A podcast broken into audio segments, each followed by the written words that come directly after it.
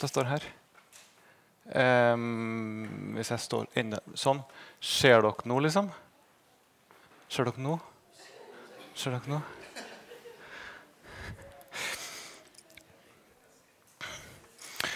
Ja, eh, velkommen til alle sammen. Jeg skal bare først si noen ord om boka her som Uffe reklamerte for eh, til Bibeltimen. Og denne boka er grunnen til at Uffe er her. Ikke Uffe, men Uffe. Uffe, ok. Uffe, Du vet hva Uffe på norsk? Det er sånn ah, uff. Ja. Eh, men denne boka er faktisk grunnen til at Uffe er her, fordi eh, jeg var i Danmark for et par år siden. Jeg besøkte min sønn som gikk på bibelskole i Danmark. Og da var jeg på besøk til Henrik Høylund, som var her i fjor. Eh, og så delte jeg litt fra mitt liv, og så sa han det til meg når jeg skulle til ferie. Du, Endre, jeg har eh, to eksemplarer av en bok, for jeg, fått, jeg skal skrive en anmeldelse av en bok. Eh, jeg har to eksemplarer av den boka, og det er 'Gledens symfoni' av Uffe Kronberg. Den tror jeg du bør lese. Unnskyld, jeg skal snakke litt senere. Jeg skal prøve. Det er en av mine store svøper. Så sa han i alle fall til meg han Henrik, denne boka må du lese. Og jeg gikk hjem og leste den, og uh, den ga meg veldig mye. Uh, um, jeg erfarte at dette var en, en mann som har kjempa både med teologi og med sitt eget liv og med Gud. Eh, og løfta fra mange viktige både store teologiske spørsmål, men aller mest spørsmål knytta til liv og tro og kamp og mange ting. Så jeg kjente at denne boka den, den, den betydde mye for meg. Eh, jeg leste den en gang, jeg har lyst til å lese den en gang til, for eh, her er det mye å fordøye. Og så, jeg, og så var det koronatid, og så begynte jeg jo å høre på taler fra Danmark. Og så hørte jeg fra Ansgarkirken i Aalborg, så vi har vært til stede på en del gudstjenester i Uffes kirke. Så derfor så inviterte jeg ham hit. Så jeg anbefaler dere å kjøpe boka. Det er en fin måte også å uttrykke takknemlighet for det som han har delt med oss.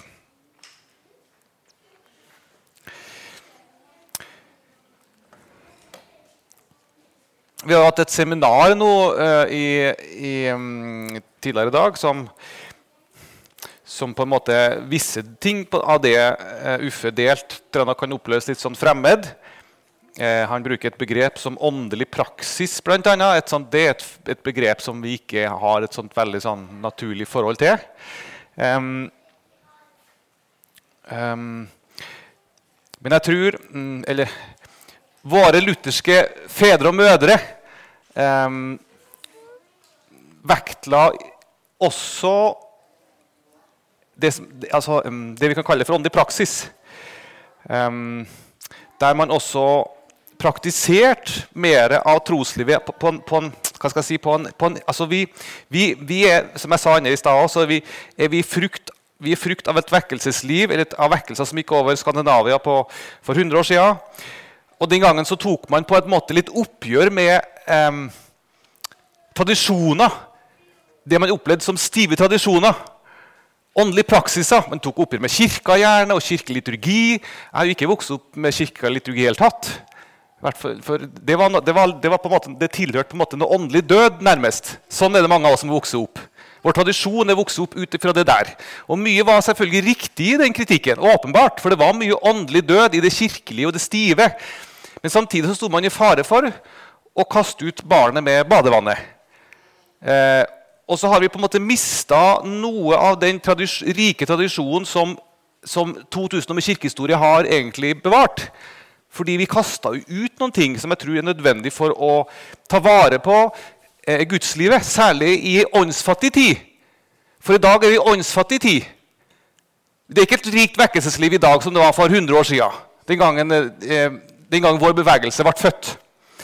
Og da tror jeg at vi er, jeg tror at vi er litt nødt til, hvis, hvis gudslivet skal bli ført videre til neste generasjon, å søke litt tilbake til eh, til hva skal jeg si, noen av de praksiser som man gjorde før, som var nødvendig før for å vedlikeholde gudslivet.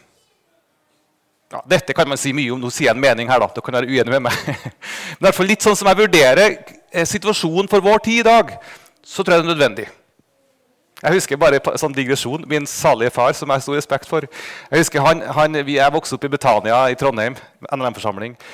Og så begynte, begynte man å innføre trosbekjennelse. Og min gode far syntes det var helt hoderystende. For det gjorde de i kirka. Og på, For han så var det et vitnesbyrd nesten for åndelig død. Jeg ikke det for å kritisere min far, for jeg har lært mye av han. det er ikke det. Men for meg i dag tenker jeg ja, mm, der bomma kanskje pappa litt. Jeg praktiserer trosbekjennelsen, jeg, framsier trosbekjennelsen daglig for min egen del. Og jeg tror vi trenger den type enkle praksis. Særlig i vår tid tror jeg vi trenger det. Vi trenger å gjenfinne noe av det tror jeg, som på en måte våre fedre og mødre gjorde, har gjort. Tror jeg. Og her kommer også um, Salmenes bok inn um, som um, et element, eller, eller, som et viktig poeng. da. Jeg sier dette til innledning for å knytte til Salmenes bok.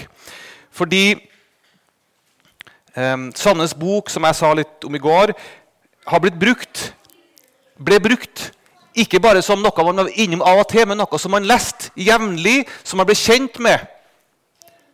Mm, I synagog, På Jesu tid så leste man fra Salmenes bok mange ganger for dagen.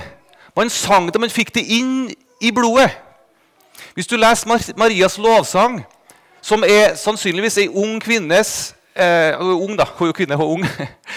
eh, og hun var sannsynligvis ikke spesielt lærd. Men Marias lovsang er, er metta av salmesitat.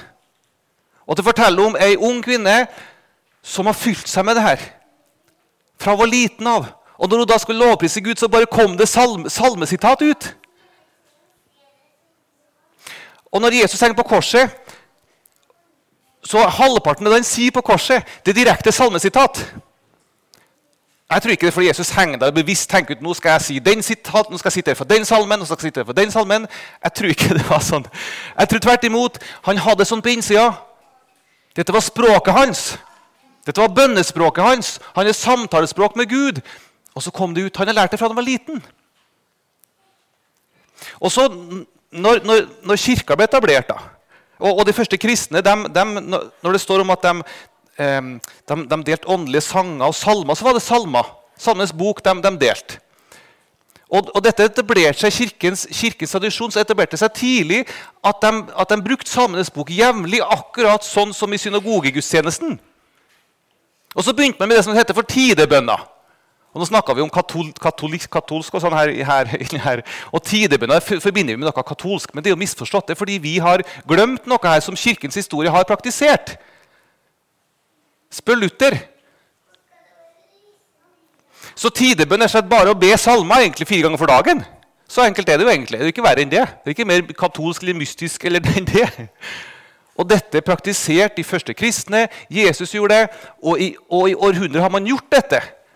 Men vi har på, på en eller annen måte kutta noe av arven her i bruken av Sandnes bok. Og det tror jeg er et tap. Og det tror, jeg, det tror jeg, Hvis vi kan gjenvinne noe av kjennskapet til Sandnes bok, bruken, så tror jeg vi vinner noen ting i vår tid. Jeg tror vi har en lang vei å gå for å komme der, men jeg tror her er det noen ting.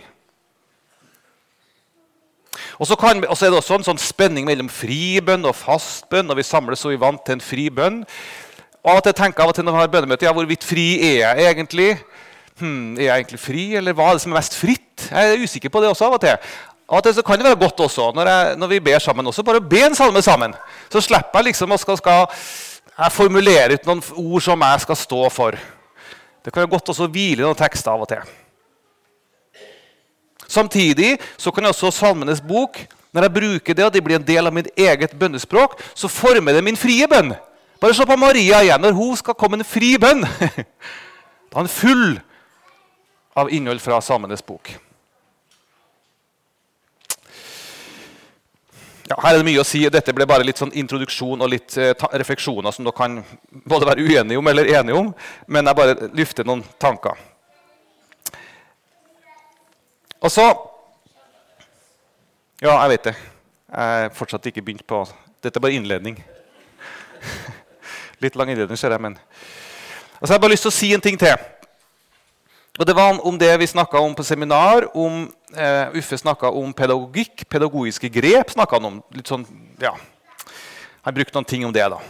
eh, måte, pedagogikk for å minne seg på Guds ord, for å leve i bønn. Men det, men det mest pedagogiske grepet som vi blir oppfordra til å bruke igjen og igjen, hva er det for noen ting? Det er kanskje litt feil begrep å bruke pedagogiske grep. Men det er noe som vi oppfordres til å praktisere igjen og igjen.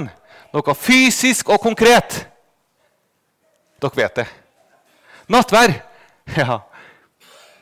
Det er jo et slags pedagogisk grep, det også. For hvor, hvor, hva skal vi med nattvær, egentlig? Vi har, vi har, jo Guds ord. Vi får det jo, så hvorfor skal, hvorfor, hvorfor skal vi ha nattverd? Hva er poenget med det? For, for, når jeg hører Guds ord, og når jeg tar imot det, så blir jo ordet ett med meg. Jeg, slu, jeg spiser det, som, som, som, Jeremia sier. Jeg fant dine ord, og jeg åt dem. Da spiste han Guds ord, og så ble det ett med når ordet er Jesus. og da blir, da blir, jo ordet ett, da blir Jesus ett med meg. Så hva skal jeg med å spise brød og vin? liksom? Hva er poenget med det? Jeg tror akkurat det som vi var inne på i seminaret, noe konkret, noe fysisk. Det er noe for å hjelpe meg til ikke bare å høre, men også å smake. Jeg spiser evangeliet. Jeg fysisk gjør det. Jeg legger det på tunga. Jeg smaker på det. Jeg svøler det ned. Og vi vet at det vi spiser altså Du er et produkt av det du har spist. Du er et produkt av kjøttkake og brødskive og kanskje litt smør. Så du sitter jo her som sånne produkter du har spist. ikke sant? Og det du spiser, det kommer ned i magen, ned, her, sånn, og så fer det nedover her. og Så går det ned i magen, og så, og så går det ut, til, ut, gjennom, ut, gjennom, beina og ut til alt. Så sitter du som et produkt du har spist. Og, her, og i nattverden så er det noe helt ekstraordinært som skjer. Her er Jesu legeme. Dette er Jesu blod. Dette er, står det. Dette er fysisk, lærer Guds ord oss. Og så sies det dette skal du legge på tunga di. Dette skal du spise. Hvorfor det? Fordi du skal forenes med Jesus fysisk. Du skal svøre, du han ned. Det, det, det. Du skal svøre ned, og Så skal du ned i magesekken, og så går du ut gjennom hele din kropp. Og det du mangler Du mangler renhet, du mangler frimodighet. Alt det får du ved å spise og drikke han sjøl så får du det. Bli ett med det.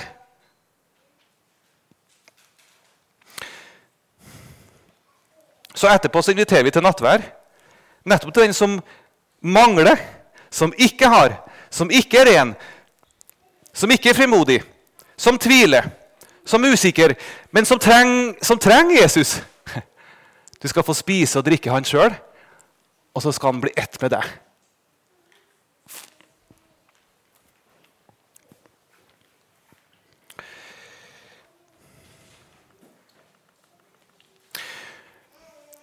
Unnskyld, nå har 13 minutter innledning. Ja, la oss be.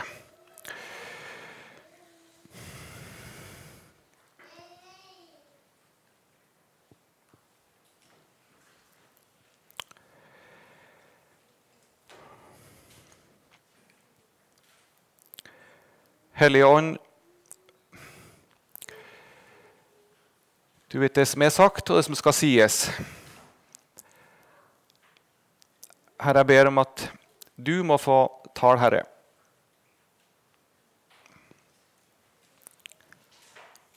Amen.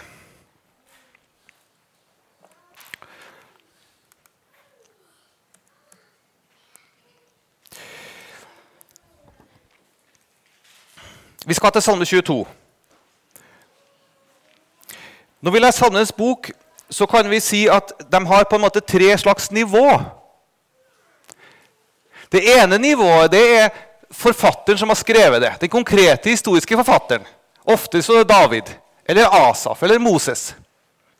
Som har erfart noen ting, som har kjempa, som skriver en bønn, en sang, en salme. Det er det ene nivået som du kan lese som en, historisk tekst. Den andre nivået det er at du og meg kan lese oss inn i teksten. Vi kan, som vi om i går, vi kan eh, gjøre bruk av ordene og, og kan gjøre dem til mine. Det tredje nivået er at også disse ordene er Jesu egne ord. Både fordi han sjøl brukte ordene og, og, og brukte i sitt eget liv, men fordi alt i Guds ord dypest sett handler om Kristus.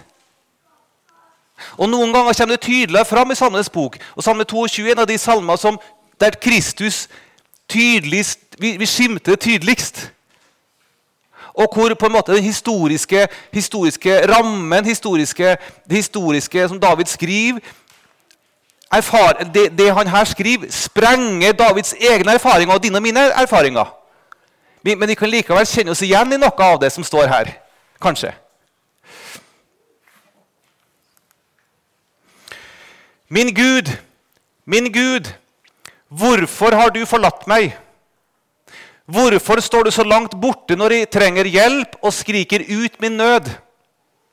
Min Gud, jeg roper om dagen, men du svarer ikke. Jeg roper om natten og får ikke ro.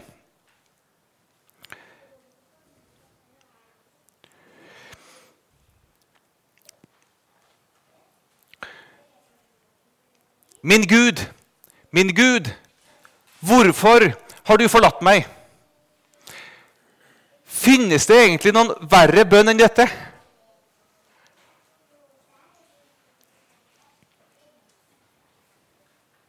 Finnes det noen verre følelse enn det her? Noen verre erfaring? Gud, du har forlatt meg. Og hvorfor alle dager har du forlatt meg, Gud? Hvorfor har du forlatt meg?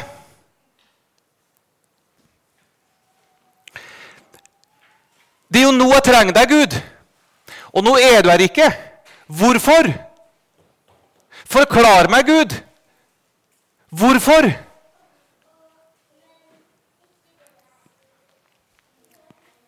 I Salme 10 så står det, begynner salmen sånn Hvorfor står du så langt borte, Herre? Hvorfor skjuler du ditt åsyn i trengselstider?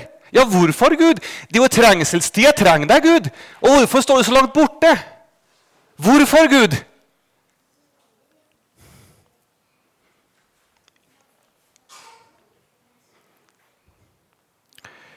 Det er en intens anklage her. Merker du det? Intens anklage. Gud, hvorfor?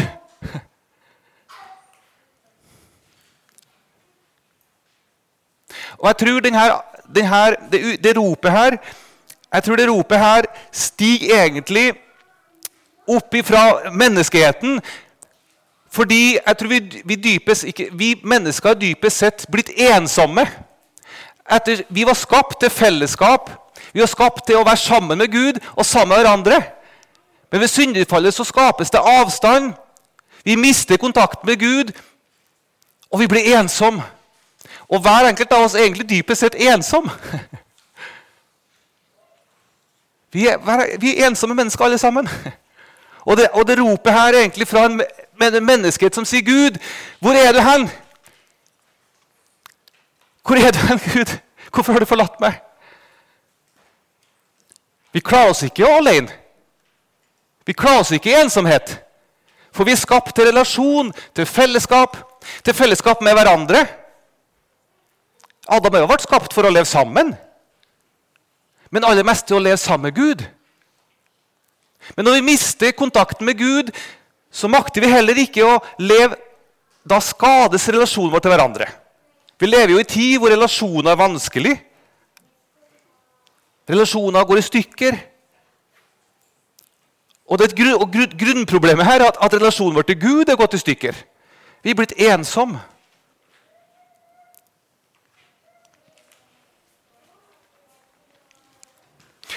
Og ensomheten tror jeg dypest sett er vår egentlige frykt. Det er mange ting vi er redd for i livet, men dypest sett tror jeg vi frykter ensomheten.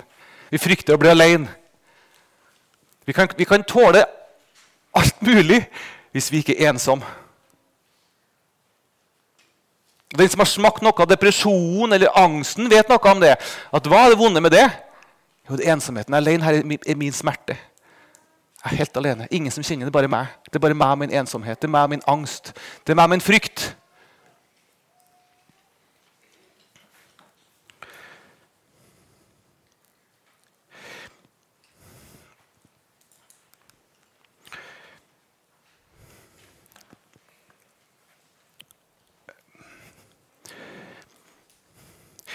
Her, her hører vi altså et, et, et, et voldsomt rop, et voldsomt skrik og en egentlig sterk anklage mot Gud. For har Gud forlatt den som roper? Er det sånn? Var, var David reelt sett forlatt av Gud? Noen som tør å si ja på det? Nei, han var jo ikke det. Det var jo hans erfaringer som til Han trodde det. Følelsene hans, Opplevelsen av forlatthet dominerte hans følelsesliv, så han trodde seg forlatt. Han var ikke forlatt, men han trodde det. Han erfarte det. Og det sa han til Gud. Så spørsmålet da, når vi kjenner på For, det, det, er et sterkt opprør nærmest imot Ikke opprør, det er ikke, det er feil uttrykk, men det, det, det, er en anklage her. Hvorfor? Eh, som er egentlig ganske sterk. Er det en uttrykk for, og er den uttrykk for tvil? Ja, hva, hva, er, hva, vil dere si på en trosskala? Hvor mye tro er det her? Fra 1 til 10? ja. Er det mye tvil, eller er det mye tro? Hmm.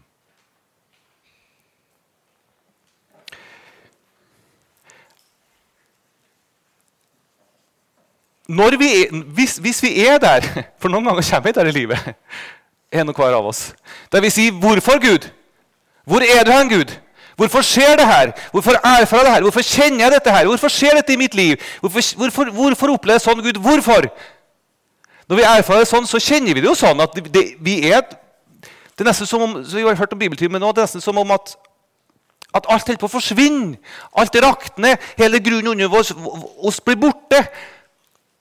Og alt er tapt. Og Gud er borte. Og når Gud er borte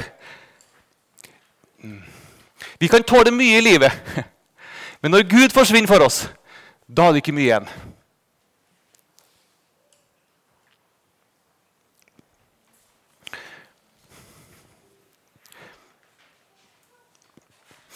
Og tilbake til spørsmålet er det lite eller mye tro her. Når er det mye tro? Er det mye tro når jeg, når jeg syns det er enkelt å tro på Gud? Og jeg tenker at Gud er nær, og jeg kan lovprise Han og jeg kan takke Han for alle ting. Er det mye tro da? Er det mer tro da enn i tilfellet her?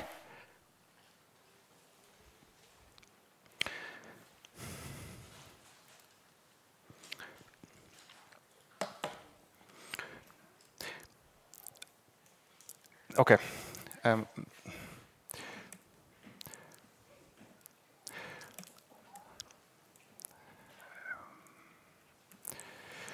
Det, det, er et håp her. Det er et lys her.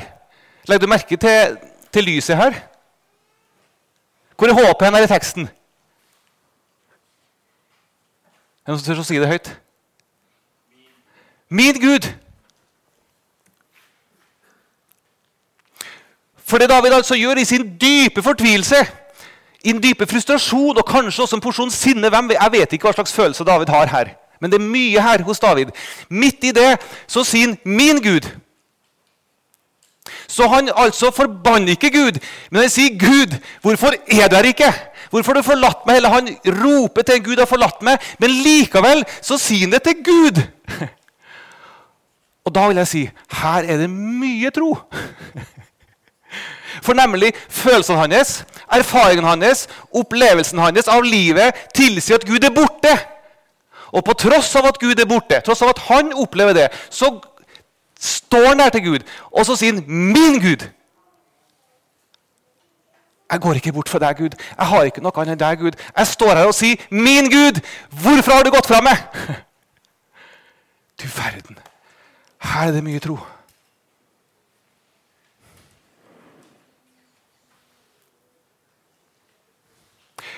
Det er kanskje enkelt å sitte, stå og si det her nå, for det er ikke sikkert du er der i livet. Men når du kommer der i livet, der du har behov for å be dette, så prøv å legge deg på minnet at kanskje det er mye mer tro her nå enn det jeg føler på.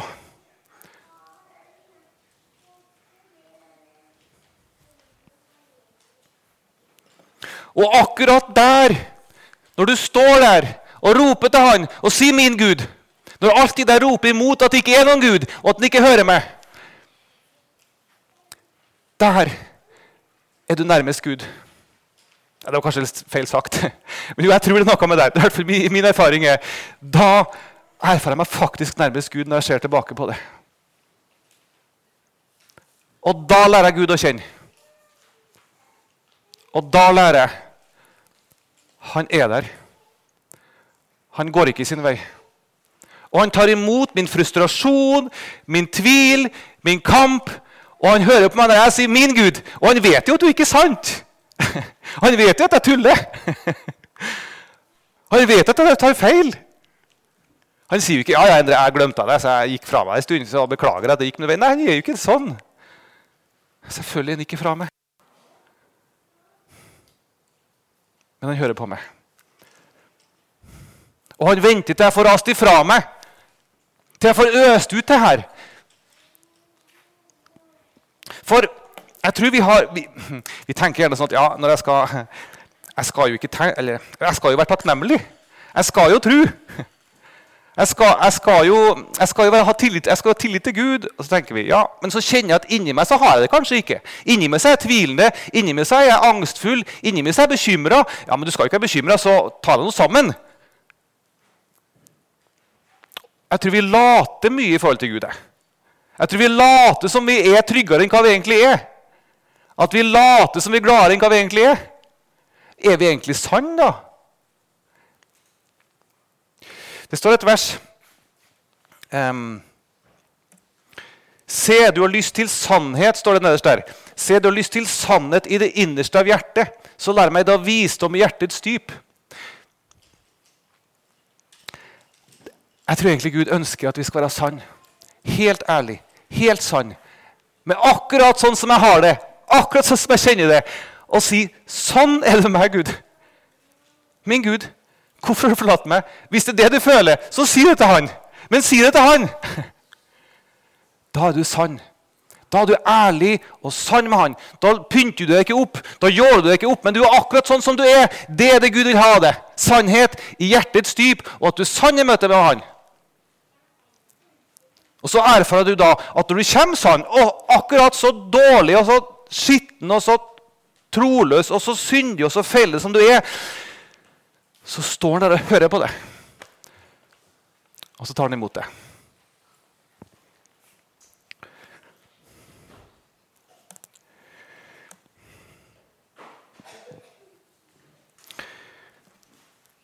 Jeg roper om natten og får ikke ro.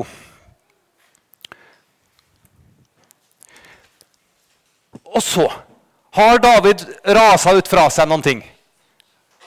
Og så begynner han å tenke. For sånn er det når vi, når, når vi kommer i frustrasjon. Vi tenker oss jo om og tenker at det var ikke så smart det jeg sa likevel. Kanskje. kanskje var det faktisk galt, det jeg sa. Kanskje må faktisk bekjenne for Gud. Det jeg sa om deg, Gud, det var ikke rett. Det måtte jobb. Jobb måtte si 'Jeg sa feil om deg, Gud'. Mange ganger må, må vi også si til Gud 'I min fortvilelse så sa jeg feil om deg, Gud'. Jeg trodde du hadde svikta meg, jeg trodde du var hard, jeg trodde du fordømte meg, men jeg tok feil, Gud. Du må tilgi mitt synd. At jeg ikke tenkte sant om deg og snakka sant om deg. Og Så kommer også David, og så sier han her Like fullt er du hellig, du som troner over Israels lovsanger. Til deg satte våre fedre sin lit. De stolte på deg, og du fridde dem ut. De ropte til deg og ble reddet. Til deg satte de sin lit, og de ble ikke til skamme. Hvorfor har du forlatt meg? Og så tenker han ja, like fullt Selv om, selv om jeg er for at du har forlatt meg, like fullt så er du hellig. Like fullt så troner du over Israels lovsanger. Like fullt er du Gud. Gud er Gud om alle mann var døde. Du er Gud likevel. Og mine fedre de stolte jo på det. De satte sin lit til det. Og du fridde dem jo ut.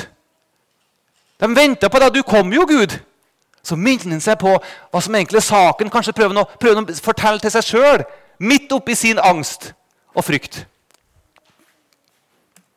Men jeg Så kommer han tilbake igjen. Detter ned igjen i sitt eget mørke. Men jeg er en mark.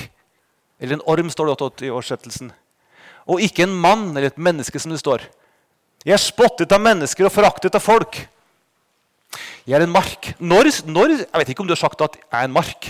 Jeg, jeg tror ikke jeg sier det, men jeg sier alltid at jeg er et nek, sier jeg meg sjøl når jeg føler meg dum. Eller en dust, sier jeg. Det er ikke så bra å si om seg sjøl sånt. Det er veldig, veldig det er negativt. Ikke bra. Men når jeg sier sånt om meg sjøl, når, når, kan jeg finne på jeg vet ikke, Kanskje er dere så sterke dere, at dere ikke sier sånt om dere sjøl. At jeg er teit, gjør dumme ting. Kanskje er dere Jeg vet ikke helt hvordan dere er. Men jeg er litt sånn av og til. Men når sier vi sånt om oss sjøl? Når følelsene våre lurer oss til å tro at det er en mark eller et nek eller en dust, eller hva du sier om deg sjøl, når du føler at du ja. Eh, på Davids tid så hadde de ingen psykologer. Den psykologiske disiplin, moderne psykologiske disiplin fantes ikke. Men hvis det hadde vært en psykolog, så har han gått en psykolog, så har han sannsynligvis fått en diagnose. Dyp, sterk depresjon tipper han har fått. Dette er en sterkt deprimert mann som omtaler seg sjøl så destruktivt som en mark. Jeg er et mark, jeg er en mark. Jeg er ingenting, ikke verdt noen ting. Jeg er ikke, jeg er ikke en mann. Jeg er en mark. Og Den som vet noe om depresjonens mørke, vet at dette er reelt.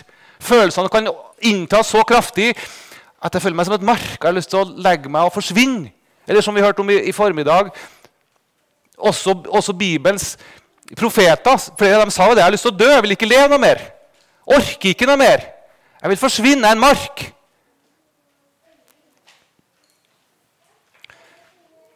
Jeg spotter av mennesker og forakter av folk. Alle som ser meg, spotter meg, vrenger munnen og rister på hodet. Sett din vei i Herrens hånd, la ham redde ham. Han skal befri ham siden han har behag i ham. Vi rekker ikke å komme mye inn på det nå, men her kommer vi inn på en tematikk som stadig går igjen i Davids salmer. Det er nesten ikke en salme av David uten at dette elementet er med, nemlig at han opplever menneskers motstand. Mennesker gjør det vondt.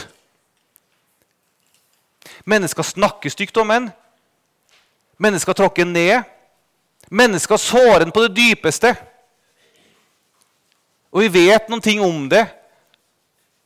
Om at han var jaga på livet to ganger. Men det er mange ting som skjer i livet hvor, hvor mennesker, hvor mennesker ja, gjør en så vondt. Og Jeg ser i David en veldig inderlig, sårbar sjel. Han, han, er, han er en komplisert figur. David. Han er veldig sammensatt. Han er veldig varm og lidenskapelig. Men han er feilende, han er skrøpelig.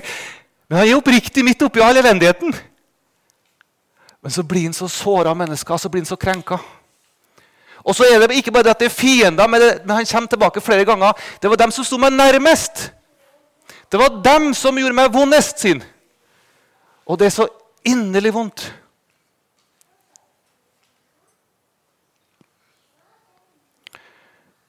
David gjør en gang en feil.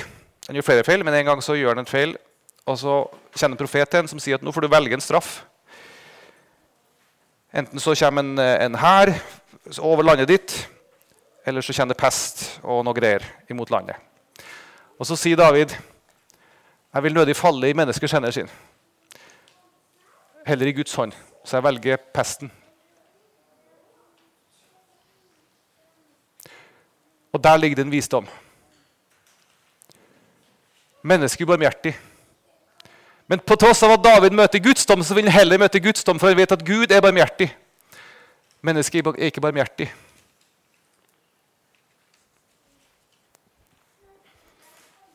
Og Her opplever han mennesker som sier til ham Jaha, du som tror på Gud, du som stoler på Gud. Ja, ja. Du kan jo bare stole på Gud. da. Legg veien din i Guds hånd, og la Han fri deg ut.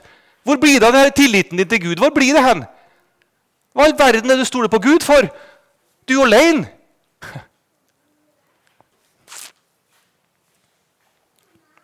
Ja. Men så tenker David igjen ja, men du er jo den som dro meg fram fra mors liv. Du er jo den som lot meg hvile trygt ved min mors bryst. På deg ble jeg kastet fra mors liv, fra mors skjød har du vært min Gud.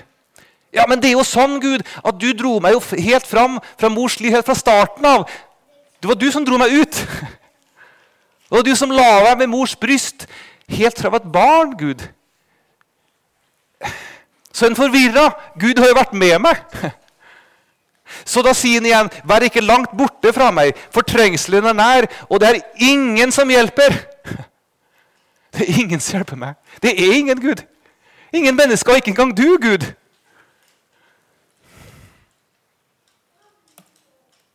Sterke okser omringer meg. Basans okser omringer meg. De spiler opp sin munn mot meg som en rovgrisk brølende løve. Jeg renner bort som vann, alle mine ben er løsnet, mitt hjerte er som voks, smeltet inne i meg, munnen er tørr som et potteskår, tungen er klistret til ganen, i dødens støv legger du meg. Ja, Jeg vet ikke hvor mange av som har brukt de her ordene og har kjent at dette er mitt. Men kanskje har du vært der, og når du er der, at du trenger de her ordene. Ja, du verden, Da skal du være glad de står der. Andreas sa til meg her eh, i går for at jeg tapte en bordtenniskamp mot faren til Andreas. Og det syns jeg er kjedelig. Jeg, jeg spilte en dårlig kamp. Og Så sa han til meg etterpå ja, har du en salme for denne situasjonen. her, sa han til meg. Disse følelsene her, sa han. Nei, Da måtte jeg tenke meg litt om. Jeg tror ikke jeg hadde noen sånn umiddelbart. Men det er noe med Salmenes bok. Det er, det er en salme for enhver situasjon. Kanskje ikke akkurat bortendestap. Jeg er usikker på. Her ser du altså en mann som er i en dyp depresjon, i et dypt mørke, i et angstfullt mørke. Og han merker det fysisk. For hunder omringer meg, de ondes hop gjerder meg inne. De gjennomborer mine hender og mine føtter. Jeg kan telle alle mine ben. De stirrer, de ser på meg med skadefryd. De deler mine klær mellom seg og kaster lodd om min kappe. Hmm. Kanskje nærmer vi oss noen ting her nå som kanskje sprenger rammen for Davids egne erfaringer. Jeg vet ikke. Jeg tror kanskje det. Kanskje det er som om David her når han skriver sin egen kamp, ikke helt vet hva han skriver for noen ting. Kanskje det som skjer her nå. Kanskje som man ikke helt skjønner helt at det skal komme en en dag som skal stige inn i Davids erfaringer. Davids erfaringer av ensomhet, av mørke, av depresjon, av tap. Og i dine og mine erfaringer. Når vi opplever at det er mørkt, det er svart, Gud har forlatt oss, Gud er borte, det lykkes ingenting, alt er borte, alt mislykkes Så skal det komme en som stiger inn i vår erfaring. En som har smakt de erfaringene som vi kjenner på, og smakt det enda mye sterkere. Kanskje det som her skjer, at Jesus Kristus skriver seg inn i Davids liv når David sitter og skriver. Og så peker det framover mot en enda sterkere smerte. En som identifiserer seg med vår tap, vårt nederlag. Men du, Herre, vær ikke langt borte. Du, min styrke, skynd deg å hjelpe meg. Redd min sjel fra sverdet, det eneste jeg har fra hunders vold. Frels meg fra løvens skap. Du har reddet meg fra villoksenes horn. Herre, når alt det her skjer, så redd meg, frels meg, det eneste jeg har. Det er hans håp. Redd meg, Herre. Og så kjenner det et skifte i salmen. Det er som om midt i kampen, den intense angsten og ropet, så er det samtidig som igjen det glimt av tro, det glimt av fastholdenhet i Gud, og det glimt av lengsel etter en utfrielse. For David har, som han minnet seg sjøl på tidlig i salmen, så minte han seg sjøl på at jo, Gud, mine fedre dem stolte jo på deg, og du hjalp jo ut.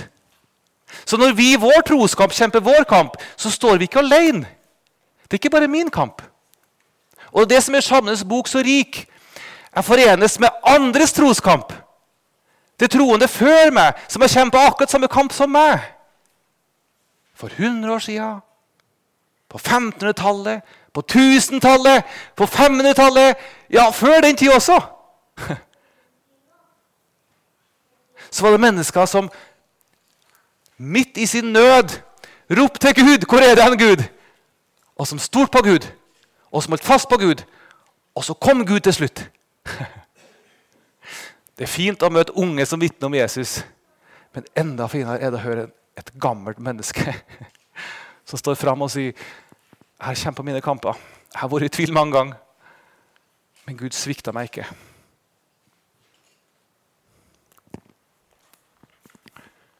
Og så minner han seg på det. Og så er det som han sier til seg sjøl Jeg vil fortelle mine brødre om ditt navn. Midt i menigheten vil jeg lovprise deg. Når jeg er ute, så vil jeg, jeg vil lovprise deg, Gud. For du er pålitelig. Jeg vil si du er pålitelig. Dere som frykter Herren, pris ham. All Jakobs ett, gi ham ære, ha ærefrykt for ham, hele Israels ett. For han har ikke foraktet den som er hjelpeløs, og ikke vendt ryggen til den som lider. Han skjulte ikke ansiktet, men hørte da han ropte om hjelp. Hvorfor er det verdt å prise Gud? Jo, for han har ikke foraktet den som er hjelpeløs. Legger du merke til når Jesus går rundt, går rundt omkring på jord i evangeliene? Han kan være beinhard. Hvem er en beinhard imot? Hvem er en hard imot? Hvem tar den strengt til? Fariseerne. Hvorfor det? De er ikke hjelpeløse. De trenger ikke den. Har ikke behov for den. Men de hjelpeløse, syndere, tollere, horekvinner, de som er tråkka ned, de som er skambelagt, de som ingen bryr seg om, de som, dem som andre forakter Å, han er så mild. Han er så barmhjertig. Den som er hjelpeløs. Han har ikke foraktet den som er hjelpeløs. Den som Hjelpeløshet det forakter vi mennesker. ikke sant? Svakhet det forakter vi mennesker. Det ligger i vår natur. det. Hjelpeløse nei. Den som er svak bort. Men han er ikke sånn. Han forakter ikke den hjelpeløse, den svake, den som, har, den som er nød. Og ikke vendt ryggen til den som lider. Han skjulte ikke ansiktet, men hørte da han ropte om hjelp. I den store forsamlingen kommer min lovsang til deg. Mine løfter vil jeg holde til blant dem som frykter ham. De hjelpeløse skal spise og bli mette. De som søker Herren, skal love ham. Må deres hjerte leve til evig tid. Og så kommer det. Alle jordens ende Og her også. Nå sprenger det rammen her. Nå, nå, begynner, nå har vi antyda noen ting om, om, om, hvordan teksten sprenger rammen for Davids erfaringer. Og Legg merke til slutten her. nå nærmer slutten. Alle jordens ende skal minnes deg og vende om til Herren. Og alle hedningenes etter skal tilbe for ditt ansikt, for riket hører Herren til, og han hersker over folkene. Dette er radikalt at David sier. For David levde i en tid der de tenkte at Gud tilhører jo bare Israels folk. Hedningene er jo utenfor gudsfolket. Og så sier David plutselig alle, jorden endes, en, alle jordens ender skal minnes deg og vende om til Herren. Og alle hedningenes etter skal tilbe for ditt ansikt. Er det noen jøder her? Er det noen hedninger her? Alle vi hedninger, kanskje, kanskje Jeg vet ikke om noen jøder her. I hvert fall hedninger er de fleste av oss. Hvorfor skal, hvorfor skal vi kunne tilbe Han? Jo, vi, Han sier at hedninger skal få samme erfaring av at Gud er pålitelig, Gud er verdt å stole på, Gud ser til den hjelpeløse.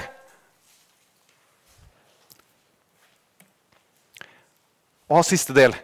Alle mektige på jord skal tilbe ham. Alle som stiger ned i støvet, skal bøye kne for hans ansikt. Men jeg lever for ham. Min ett skal tjene ham. De skal fortelle om Herren til kommende slekter. De skal komme og kunngjøre hans rettferdighet for det som blir født, at han har gjort det. Så David slutta altså med å si at det skal bli født en slekt som er hedningeætt. Som er av den ætta som egentlig ikke hører Gud til. Som også skal si det samme. At Gud er pålitelig. Gud skal vi prise. De skal fortelle om Herren til kommende slekter. De skal komme og kunngjøre hans rettferdighet for det som blir født. Skal det ikke stå det folk der, tru? Var det ikke et ord jeg har glemt? Eivind? Står det ikke folk der? Det står det. Ja, For det folk som blir født Der skal altså stå et folk, dere skjøt, sant? Nest siste. For det folk som blir født. Det skal bli født et folk som ikke er født i dag. At han har gjort det. Hva er dette for noen ting?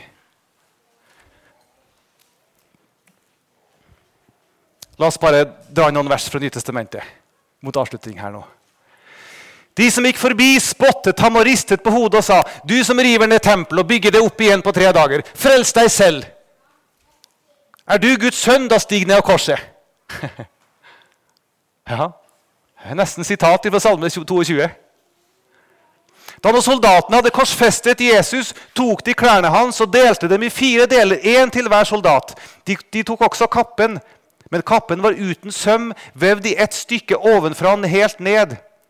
De sa da til hverandre, la oss ikke rive den i stykker, men kaste lodd om hvem som skal ha den, for at Skriften skulle bli oppfylt. Som sier, de delte mine klær mellom seg og kastet lodd om min kappe. Soldatene gjorde da dette.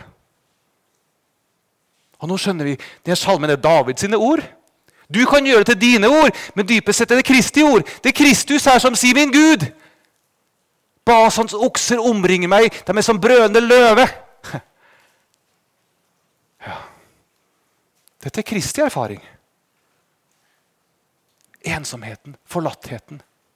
Og derfor sier, derfor står det altså også i Matteus 27 Og ved den niende time ropte Jesus med høy røst Eli, Eli, lama sabachthani. Det betyr Min Gud, min Gud, hvorfor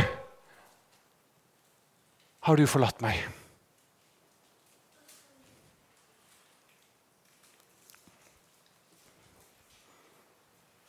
Og her nærmer vi oss noe Jeg vet ikke hvilke ord jeg skal bruke men noe voldsomt gåtefullt som jeg ikke vet hvordan jeg skal sette ord på. For når vi sier 'Hvorfor har du forlatt meg', så stemmer ikke det. Det er ikke sant. Så lenge vi er her i verden, så har ikke Gud forlatt oss. Det er bare på én måte vi kan bli forlatt. Og det å, det å bli forlatt av Han i evighet, bort fra Han. Men her i verden kan vi aldri si det. Det er det som er fortapelsen. Det å være forlatt av Gud, det å være ensom dypest sett. Men her i verden så er vi ikke ensomme. Ingen mennesker kan si 'gudsforlatt sted'. Det sier vi, men det er bare tull. Det er ikke sant. Men hva skjer her? Når Jesus sier det, 'Min Gud, min Gud, hvorfor har du forlatt meg?' Hva er det som skjer? Her sprenges teksten i stykker. skal jeg til å si. Her skjer det noe mye mer gåtefullt. For han rammes av nettopp forlattheten, nettopp av Guds vrede, nettopp av fortapelsen. Og dette forstår jeg ikke. For det er jo en treenig Gud. Så det er treende en treende Gud som henger på korset. Og Samtidig så, det, så, så blir sønnen erfar, på en eller annen måte som jeg ikke klarer å sette ord på eller forstå, gjenstand for Guds vrede og gjenstand for ensomheten.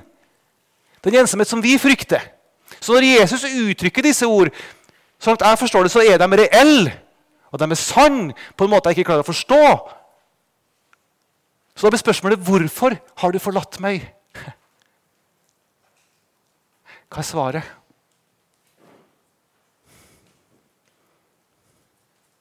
Fordi du og meg aldri skal kunne si det i sannhet. Så vi ikke skal si 'Hvorfor har du forlatt meg?' og det er sant. Fordi vi ikke i evighet skal si 'Hvorfor har du forlatt meg, Gud?' Så blir han forlatt. Så vi skal slippe å bli forlatt. Hvorfor har du forlatt meg? Jo, derfor. Så vi ikke skal rope det. Så vi ikke skal være ensomme. Så vi skal være hans barn. Derfor ble han forlatt.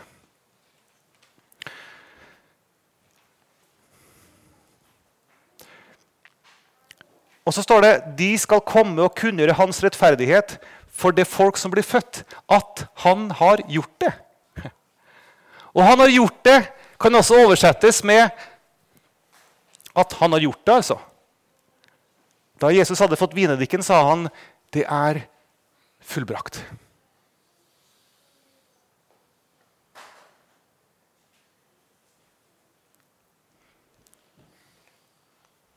Hvorfor? Derfor. Skal vi be. Hellige Gud, vi står overfor et mysterium. Men gi oss å forstå noe av det.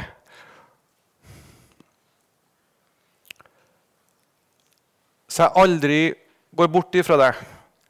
Samme hva jeg erfarer, hva jeg føler, At jeg alltid må få si 'min Gud'.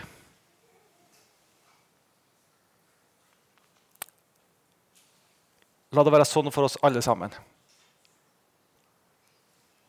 Amen.